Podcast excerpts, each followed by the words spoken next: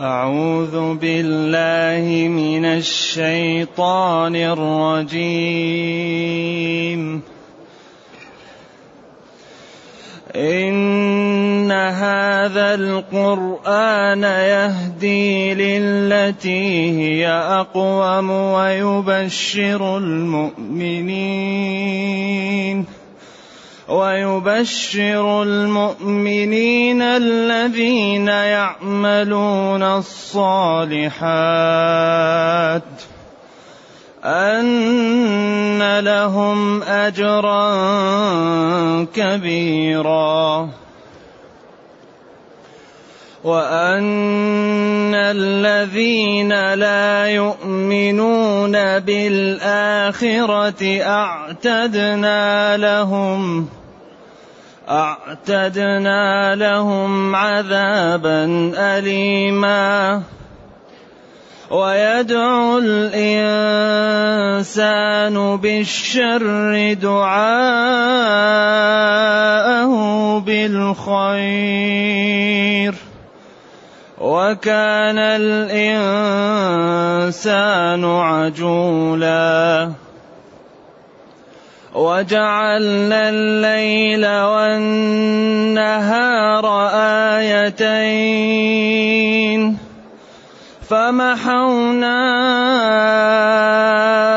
آية الليل وجعلنا آية النهار مبصرة لتبتغوا فضلا من ربكم ولتعلموا عدد السنين والحساب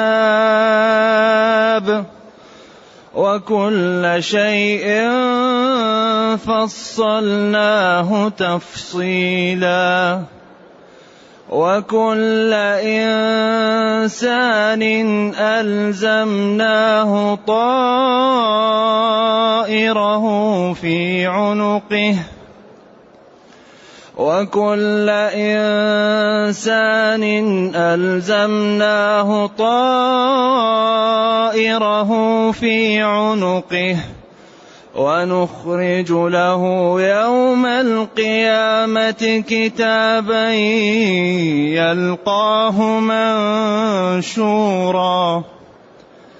اقرأ كتابك اقرأ كتابك كفى بنفسك اليوم عليك حسيبا.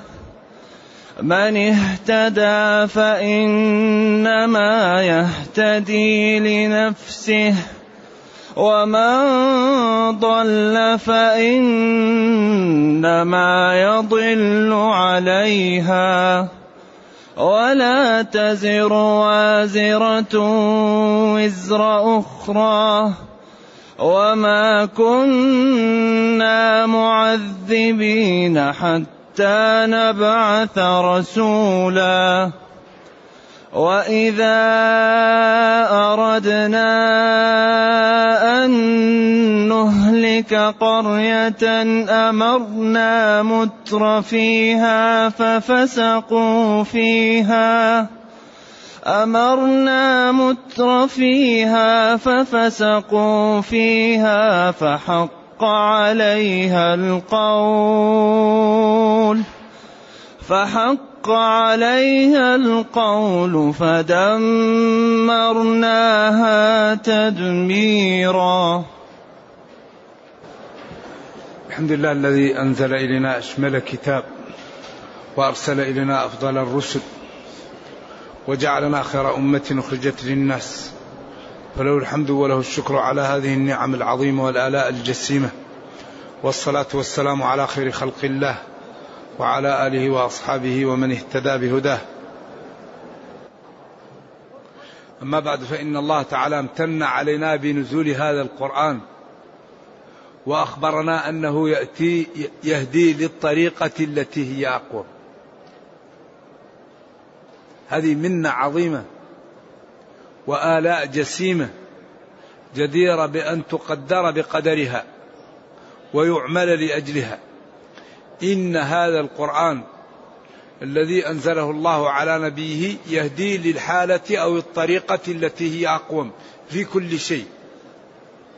وهذا القرآن يبشر المؤمنين الذين يعملون الصالحات لأن الإيمان لا يظهر إلا بالعمل.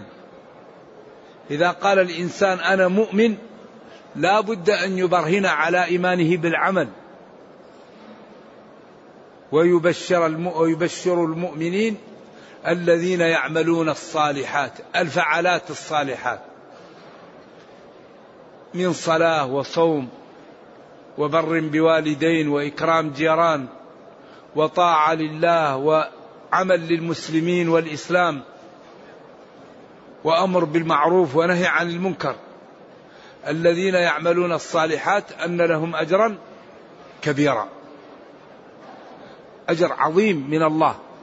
قال ويبشر المؤمنين الذين يعملون الصالحات. لاحظ معي قوله تعالى الذين يعملون الصالحات. لذلك الإيمان لا بد معه من العمل. لا بد من يأتي بالبرهان. الذين آمنوا وعملوا الصالحات. ثم رددناه أسفل السافلين إلا الذين آمنوا وعملوا الصالحات. إن الإنسان لفي خسر الذين آمنوا وعملوا الصالحات. ويبشر المؤمنين الذين يعملون الصالحات. ولذلك هذا القرآن في قوالب معجزة جامعة للأحكام وللمعاني وللجمال وللحسن. للتي هي أقوم فيها كل الشريعة. الصالحات فيها كل خير من شهادة أن لا إله إلا الله إلى إماطة الأذى عن الطريق.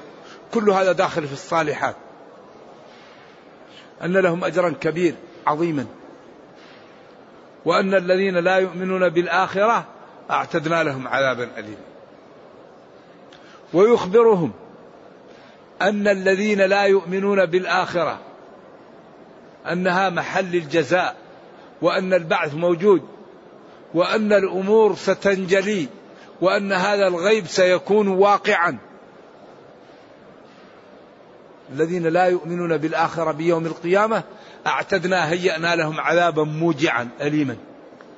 وهذا القرآن جماعة استقامت ونجت وجماعة انحرفت وهلكت.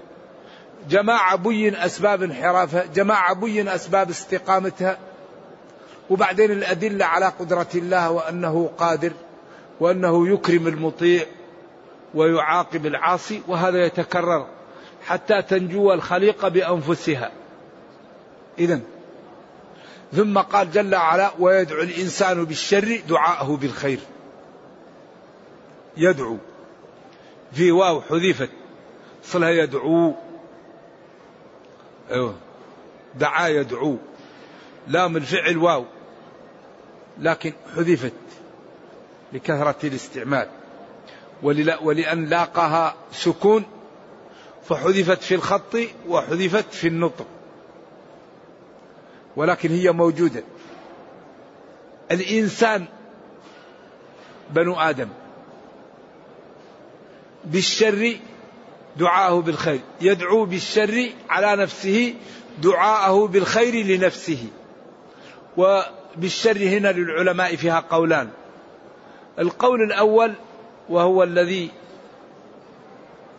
مشهور عند المفسرين أنه إذا غضب دعا على نفسه وعلى ولده وعلى ماله بالثبور وبالهلاك وبالفساد.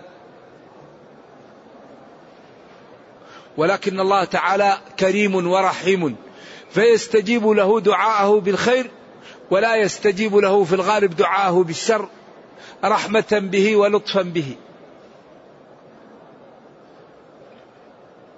إذا إذا غضب الإنسان يدعو على نفسه وعلى ولده وعلى ماله وهذا خطير جدا. لكن الله تعالى لا يستجيب لهؤلاء ولو استجاب لهم لهلكت الدنيا لأن أغلب الناس إذا غضب يدعو على نفسه وعلى ولده ولذلك ينبغي للمسلم أن لا يدعو إلا بخير لأن الدعاء مثل الرمية الإنسان إذا رمى ما بيده أن لا تصيب الرمية والدعوة إذا خرجت قد تلاقي وقت إجابة. فتغمر الناس أعوذ بالله بالفساد. وكم من واحد دعا على ولده فاستجيبت الدعوة. الآن بين أيدينا عشرات الناس. واحد يغضب ويدعو على ولده فتستجاب الدعوة. يدعو على نفسه على ماله. القول الثاني أن الإنسان إذا رغب في أمر حرام يدعو أن يحققه الله له كما يدعو إذا رغب في أمر حلال وشرع. ويدعو الإنسان بالشر دعاءه بالخير. إذا كان يريد أن يصل إلى شهوة حرام أو إلى مال حرام أو إلى أمر لا يجوز يدعو بالشر كما يدعو بالخير. هذا القول الثاني. وكان الإنسان عجولا. خلق الإنسان من عجل. وخلق الإنسان ضعيفا. لذلك لا يتمالك. قيل إن آدم صلوات الله وسلامه عليه وعلى نبينا لما جاءت الحياة لأعينه وأراد أن بدأ ينظر فلما جاءت لنصفه بدأ أراد أن يقوم والحياة لم تأتي لرجليه. يا رب عجل يقول يا رب عجل عجل لي الحياة حتى نتحرك قيل وكان الإنسان عجولا. ولذلك في التأني السلامة. ومن الرجال إذا استوت أحلامهم من يستشار إذا استشير فيطرق حتى يجول بكل واد قلبه فيرى ويسمع ما يقول فينطق. لذلك العجلة من الشيطان. ولا ولا ينبغي للإنسان أن يعجل لا في جواب ولا في كلام لا يستعجل حتى يتأمل. والإنسان لا يقدم على الأمور بعجلة يستشير ويتنبه. لذلك بعض الناس كم من واحد يعجل عند الإشارة وبعدين أعوذ بالله يهلك. بعض الناس إذا جاءت تزيده يعجل. فيكون فيه كان واحد مسرع وبعدين الله المستعان. ذلك الإنسان لا يستعجل. في التأني سلام. وكان الإنسان عجول. من خلق الإنسان من عجل. ولذلك لا يتمالك. ضعيف. ولكن ربه رحيم. جعل له الحسنة بعشر أمثالها. وجعل السيئة بواحدة. وجعل لا يؤاخذ بالخطأ ولا بالنسيان. وإذا تاب تاب الله عليه. ويضاعف له أضعاف لا سبعمائة لا أضعاف كثيرة. وربنا كريم. إذا الإنسان لا يفهم مصالحه. وعدو لنفسه. وعنده أشياء محيطة به توبقه. نفسه. والشيطان. والناس. والمال أكبر ما يوبق الإنسان أربعة. كل مشكلة من أربعة. أول شيء الشيطان. النفس. المال. الخلق. الناس. هؤلاء الأربعة. أي مشكلة تأتي للإنسان لا بد أن تكون من واحد من الأربعة. فذلك ينبغي أن يتعامل معها بحذر وينتبه حتى ينجو بنفسه. وكان الإنسان عجول يعجل لا يتمالك لا يصبر. ولذلك خلق الإنسان من عجل خلق الإنسان ضعيفا. وبعدين هلوع إذا مسه الشر جزوعا وإذا مسه الخير منوعا. بعدين كل المخلوقات قالوا لا عرضت عليهم الأمانة قالوا لا لا وحملها الإنسان إنه كان ظلوما جهولا. ولكن مع ذلك كرمه ربه وأعطاه ما لم يعطي لغيره من المخلوقات وشرفه بالعقل وبالرسالة وخلق له ما في الأرض لكن إذا استقام. أما إذا لم يستقم فهو من أخص المخلوقات. لذلك ينبغي للإنسان أن يستقيم حتى يكون من أحسن المخلوقات. ثم قال جل وعلا وجعلنا الليل والنهار آيتين. جعلنا أي الله جعل الله الليل كما ترون والنهار آيتين. دالتين على وحدانيته وعلى قدرته وعلى أنه ما وعد به من النعيم قادر على أن ينفذه. وما أوعد به من الجحيم قادر على أن يوقعه بمن أوعده. وجعلنا الليل والنهار آيتين دالتان على قدرة الله وعلى شمول ملكه وقدرته. يبقى النهار النهار حتى يأتي الليل ويعم كيف جاء. هذه آية وهذه آية. فمحونا آية الليل جعلنا آية الليل وهو القمر. وجعلنا آية الليل فمحونا آية الليل وجعلنا آية النهار مبصرة. أي مبصرة يبصر فيها. كما قال نهاره صائم أي صائم فيه وليله قائم قائم فيه. وجعلنا آية النهار مبصرة أي جعلنا النهار يبصر فيه ويتجلى فيه الأمور ويمكن للإنسان أن يسعى لمعاشه ولأموره فتنجلي له الأمور ويبحث حتى يجد حوائجه. وجعلنا آية ومحونا آية الليل وجعلناه مظلما ليكون فيها الراحة والسكون. وهذا لا يقدر عليه إلا الله وهو رحمة, رحمة للعباد ونعمة عظيمة. لتبتغوا فضلا من ربكم في النهار ولتعلموا عدد السنين والحساب. لأنه إذا كان الوقت نهار أو وقت كل ليل وما فيه ليل ولا نهار كيف نعرف الأوقات التي فيها الصوم والتي فيها الحج والتي فيها العدد وكيف نتبايع وكيف تكون الزروع؟ لأن كل فصل يصلح لنوع من الزراعة. لتعلموا عدد السنين والحساب. فتضبطوا على ذلك معايشكم وحياتكم وتنظموا أوقاتكم لتزدهر بكم الدنيا وتسعدوا فيها. إذا هذه نعم يشكر الله عليها ويعلم أنه هو القادر فيطاع ولا يكفر. وهذه هي النتيجة. النتيجة طاعة الله. والبعد عن معصيته. وكل شيء فصلناه تفصيلا. كل شيء مما تحتاجه. الحلال بين والحرام بين والمنافع واضحة والمضار واضحة وما يسعدك بين لك وما يوبقك بين لك. وكل ما تحتاج له بين لك. وأنعم عليك ووضحت لك النعم. أعطي الليل لينام والنهار ليتحرك. وكل شيء فصلناه تفصيلا. بينا كل شيء. ومن كل شيء خلقنا زوجين. الذي أعطى كل شيء خلقه ثم هدى.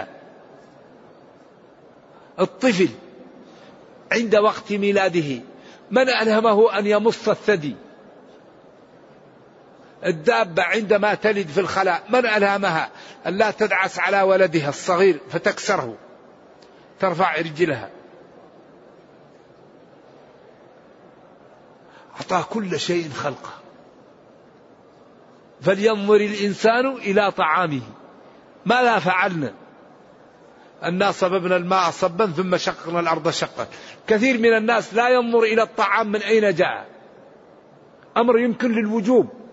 فلينظر الإنسان إلى طعامه أنا صببنا الماء صبا ثم شققنا الأرض شقا فأنبتنا فيها حبا وعنبا وقضبا وزيتونا ونخلا وحدائق غلبا وفاكهة وأبا متاعا لكم ألا تشكرون؟ ألا تعلمون قدرة الله وما أسدى عليكم من النعم؟ فلا تعصوه ولا تكفروا به كل شيء فصلناه تفصيلا مفصل مبين. أي شيء تحتاجه تفتح المصحف. أي شيء في الدنيا تحتاجه موجود في المصحف. قال له هل فيه من كره شيئا عاداه قال له نعم. قال له أين هو؟ قال بل كذبوا بما لم يحيطوا بعلمه. قال له هل في القرآن هندسة؟ قال له نعم. ظل ذي ثلاث شعب. قال له هل في القرآن الاقتصاد؟ قال نعم. الذين إذا أنفقوا لم يسرفوا ولم يقتروا. قال هل فيه الطب؟ قال نعم كلوا واشربوا ولا تسرفوا. تسعين في المية من الأمراض من الأكل الشرب. يأكل ويأكل ويأكل وبعدين يأكل وبعدين تأتي الأمراض وتأتي الأوجاع. ما ملأ ابن آدم وعاء شرا من بطنه. دين دين رائع. كل شيء فصلناه تفصيلا. أليس جدير بنا أن نعمل مؤسسات لدراسة القرآن؟ أن نعمل مراكز لتقويتنا بالقرآن؟ نعمل مراكز لإنقاذ العالم بالقرآن؟ نعمل مراكز لحل مشاكلنا بالقرآن. نعمل مراكز لرفعتنا بالقرآن لعزتنا بالقرآن. الله يقول تبيان لكل شيء. وكل شيء فصلناه تفصيلا بيناه ووضحناه. حري بنا أن نحل مشاكل أهل الأرض. إذا لم يحل المسلمون مشاكل أهل الأرض من يحلها؟ فالمسؤولية علينا عظيمة. فلا بد أن أن نهتم بديننا وبهذا القرآن ونهتم بأن نتبع ما جاء فيه لنحل لأهل الأرض ما يعيشونه من من المصائب. أغلب المشاكل من الربا. أغلب ما تعاني الكرة الأرضية من الربا. لا تتصوروا ما لا يقع لأهل الأرض إذا لم يقلع أهلها عن الربا. هذا الربا لا يساويه إلا الكفر. يمحق الله فأذنوا بحرب. يمحق فأذنوا بحرب. ذروا ما بقي من الربا ومن أصدق من الله قيلا. تجمع الآيات تساوي دمار. ذروا ما بقي من الربا إن كنتم مؤمنين فإن لم تفعلوا طيب من يحاربه الله كيف يكون؟ إذا أخطر شيء على الأرض الربا. وإذا لم يقلع أهل الأرض عن الربا فالذي سيقع لا يعلمه إلا الله. لأن الله قال يمحق قال فأذنوا بحرب. لذلك ينبغي للمسلمين أن يبحثوا عن بدائل حلال للربا من غير إخلال بالاقتصاد. هذا أمانة في عنق المسلمين. يأتوا بأمور حلال بيوع حلال وبمسائل جائزة تكون بدل الربا ولا تخل بالاقتصاد. هذه أمانة في عنق المسلمين. ذلك سبحان الله كل شيء فصلناه تفصيل كل شيء مبين. أي شيء تحتاجه أفتح المصحف. أي شيء. لذلك هذه معجزة خالدة إلى قيام الساعة. إذا لا بد أن نقرأه لا بد أن نفهمه لا بد أن نبينه للناس. وكل إنسان ألزمناه طائره في عنقه ونخرج له يوم القيامة كتابا يلقاه منشورا اقرأ كتابك كفى بنفسك اليوم عليك حسيبا. هل بعد هذا من إنصاف؟ هل بعد هذا من عدالة؟ هل بعد هذا من وضوح؟ هل بعد هذا من حجة؟ كل إنسان ألزمناه طائره. الطائر عبارة عن حظه عبارة عن ما كتب له عبارة عن عمله كل إنسان ألزمناه عمله وكتبناه له وألزمناه ما يعمله ووضحناه له ونخرج له يوم القيامة أو يخرج له كتابا يلقاه منشورا. اقرأ كتابك. اقرأ ما عملت. ولذلك قلمه لسانه ومداده ريقه وأوراقه أعضاؤه. قلم, قلم الإنسان الذي يكتب به لسانه ومداد ريقه الذي يجعله ينطق. والورق اللي يكتب عليه نفس الإنسان أعضاؤه. ولذلك هذه الأعضاء هي التي تكون صحائف عمله. إذا قال غير حق يقول له جلده الذي قلت غير صحيح الحق كذا وكذا. وقالوا لجلودهم لما شهدتم علينا؟ قالوا أنطقنا الله أنطقنا الله. إذا أين المهرب؟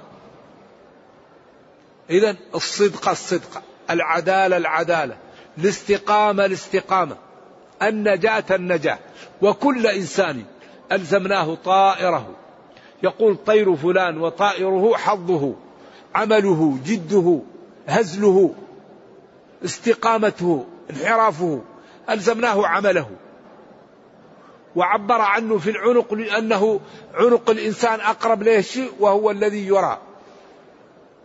ويخرج له ونخرج له. يوم القيامة كتابا عمله. يلقاه مفتوح له. اقرأ كتابك. وحاسب نفسك.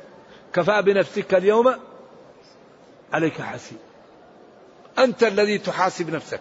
عملت كذا في وقت كذا وعملت كذا وعملت كذا وعملت كذا. واستحقيت كذا وعليك كذا. وحاسب نفسك. ولذلك عن عمر حاسبوا أنفسكم قبل أن تحاسبوا. اقرأ كتابك. كفى بنفسك اليوم عليك حسيبا. كفى بنفسك. يكفيك نفسك.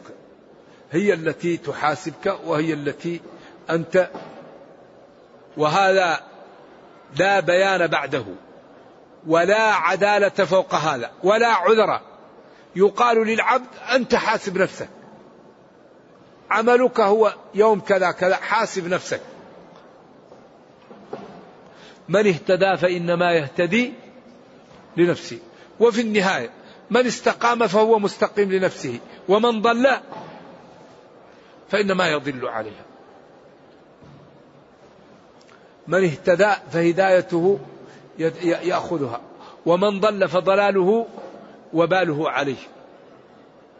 بعدين قال ولا تزر وازرة وزر أخرى. وهنا وقفة قليلة أي لا يعذب أحد بجريرة أحد. أبدا. واحد أبوه فاجر جده فاجر صديقه فاجر لا. كل إنسان يعذب بعمله.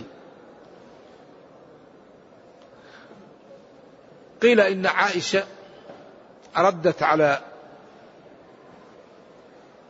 الصحابة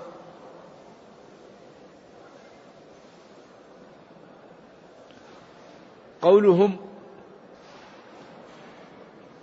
إن الميت يعذب ببكاء أهله.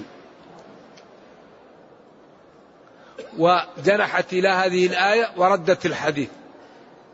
وقالت ما فهموا؟ ولا تزر وازرة وزر أخرى. والحديث صحيح. فالعلماء قالوا ذلك بأن يوصيهم بأن إذا مات بكوا عليه. والنياحة منهي عنها ولا تجوز فهو وصاهم بشيء محرم. ولذلك الشاعر يقول إلى الحول ثم اسم السلام عليكما ومن يبكي حولا كاملا فقد اعتذر. يصيهم أنهم لا يزيدون على البكاء عليه على حول. فإذا من وصى أهله بالبكاء عليه يعذب بذلك. وقيل من علم أنهم ينوحون ولا يوصيهم بعدم ذلك. إذا تكون من هذا وقيل إن تعذيبه لأنه يرى أهله يبكون وهو عنده عقل فيتألم من تألم أهله وهذا فيه ضعف.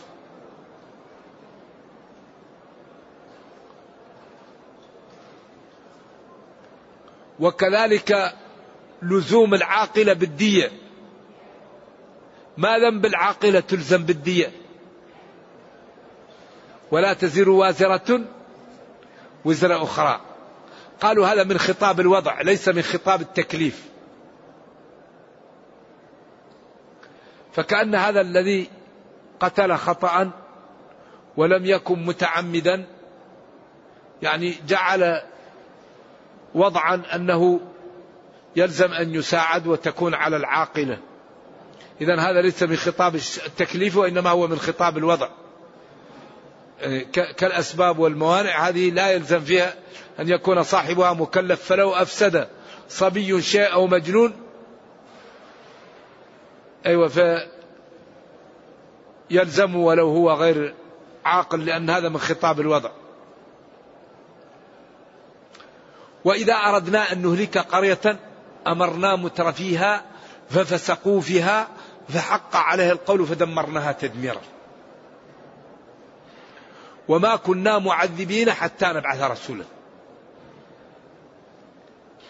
إذا لا يعذب الرب الخلق إلا بعد قيام الحجة. وأهل الفترة التحقيق أن توقد لهم نار يوم القيامة. وإن أباها أبو يوسف عمر بن عبد البر أبو عمر. وقال الآخرة دار تكلي دار جزاء. فالأحاديث ثبتت في أن أهل الفترة توقد لهم نار يوم القيامة ويؤمرون باقتحامها. فمن دخلها كان في علم الله لو جاءته الرسل يصدقها ومن امتنع كان في علم الله لو جاءته الرسل كذب بها. وهذا هو الذي يظهر. وأن الناس لا تعذب إلا بعد الإنذار. وما كنا معذبين حتى نبعث رسولا. وقال رسلا مبشرين ومنذرين لئلا يكون للناس على الله حجة بعد الرسل. والناس الذين في زمن النبي صلى الله عليه وسلم كانوا أهل فترة. لتنذر قوما ما أنذر آباؤهم. لتنذر قوما ما أتاهم من نذير من قبلك. والله قال وما كنا معذبين تنبعها رسولا. وقال في حق أهل النار كلما ألقي فيها فوج سألهم خزنتها ألم يأتكم نذير؟ قالوا بلى قد جاءنا نذير فكذبنا. إذا هذه حجة. وما كنا معذبين حتى نبعث رسولا. وإذا أردنا أن نهلك قرية أمرنا مترفيها أمرنا مترفيها فيها ثلاثة أقوال للعلماء. أمرناهم بالطاعة فعصوا وفسقوا فيها فحق عليه القول فدمرناها تدميرا. أو أمرناهم مترفيها جعلناهم كبراءهم. ففسقوا فحق عليه القول. أو أمرناهم أي كثرناهم أمير أمر بن أبي كبشة. قال أبو سفيان إن ملك بني الأصر يخافه. أمير عظم أمير أمره إذا عظم. أمرناهم أي كثرناهم. مترفيها الذين يتنعمون ولا يبالون. ويغرقون في المعاصي. فحق عليه القول فدمرناها تدميرا. إذا أمرناهم بالطاعة ففسقوا. أو أمرناهم جعلناهم أمراء. أو آمرناهم كثرناهم. ففسقوا فيها. فحق عليها القول فدمرناها تدميرا. نرجو الله جل وعلا أن يرينا الحق حقا ويرزقنا اتباعه وأن يرينا الباطل باطلا ويرزقنا اجتنابه وأن لا يجعل الأمر ملتبسا علينا فنضل. سبحان ربك رب العزة عما يصفون وسلام على المرسلين والحمد لله رب العالمين وصلى الله وسلم وبارك على نبينا محمد وعلى آله وصحبه والسلام عليكم ورحمة الله وبركاته. يا إخواني ينبغي أن تكون الأسئلة على الدرس أو فيما يحتاجه المسلم في عبادته. أما الأسئلة التي خارجة لا تنبغي. ينبغي أن تكون الأسئلة تكمل للدرس في جوانب في الدرس أو في أمور نحتاجها لعبادتنا لديننا. وهذا سائل يسأل يقول أتيت إلى المدينة المنورة. زائرا فبعض الناس أوصوني بأن أبلغ لهم سلامهم إلى إلى قبر الرسول صلى الله عليه وسلم. ماذا تقول في هذا؟ أقول إن نبينا صلى الله عليه وسلم فيه ملائكة موكولة بسلام الناس عليه. ما من مسلم يسلم علي إلا رد الله إلي روحي وأرد عليه السلام. ملائكة يبلغونه السلام. فما يحتاج إلى هذا ولا أعرف هذا. أنه لا أعرفه. نعم أن واحد يبلغه. تسلم عليه في أي محل إن شاء الله يرد عليك ويبلغ. كم تكون سن الذي يكون الصبي إماما للناس في صلاتهم؟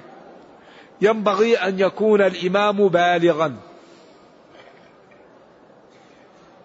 أيوة غير البالغ لا يؤم الناس في الفريضة. يؤمهم في النافلة. لأن الصلاة هذه واجبة. وغير البالغ لا يلزمه غير الواجب. أيوة فلا يكون إمام وهو شيء ليس واجب عليه ولا يعرف الأمور دائما فلا يكون إمام إلا الإنسان الذي يكون يعرف الأحكام ويعرف التجويد وعنده أمانة. لأن الإمامة أمانة. أنتم تعلمون أن الشخص إذا كان إماما وتقيا كل من يصلي وراءه يستقيم. لأن استقامته وإخلاصه ودعاءه للمأمومين يجعلهم يستقيمون ويجعلهم يكونون صلحاء. لذلك الإمامة ليست أمرا سهلا. يؤم القوم أقرأهم لكتاب الله. وفي زمن الصحابة الأقرأ هو الأفقه. لأن هذه لغتهم. أيوة فينبغي للإمام أن يكون أمينا عالما بالأحكام عالما بالقرآن عالما بتجويده. هو مؤتمن على صلاة المسلمين أهم شيء الصلاة. فإذا أحدث في الصلاة لا يستحي يبطل صلاته وصلاة المسلمين. ينصرف من الصلاة يقرأ باب الاستخلاف يقرأ باب السهو. يقرأ باب الجماعة ويقرئها ويدرسها للمأمومين. حتى إذا حصل له شيء في الصلاة يقول هذا الذي درسنا الإمام. يعرفون هذا. وهذا دين. فلذلك لا ينبغي أن يكون إمام إلا عالما تقيا قارئا حتى يؤمن على ديننا. وإذا صلى خلفه المصلي سقاه وانتفع به وكثر في الخير وبعد عن الشر. نعم. هو يقول إن في دورات تعمل في التفسير هذا طيب. وفسر فيها القرآن في يوم واحد. خلاص يكفي؟ واحد بس سؤال واحد.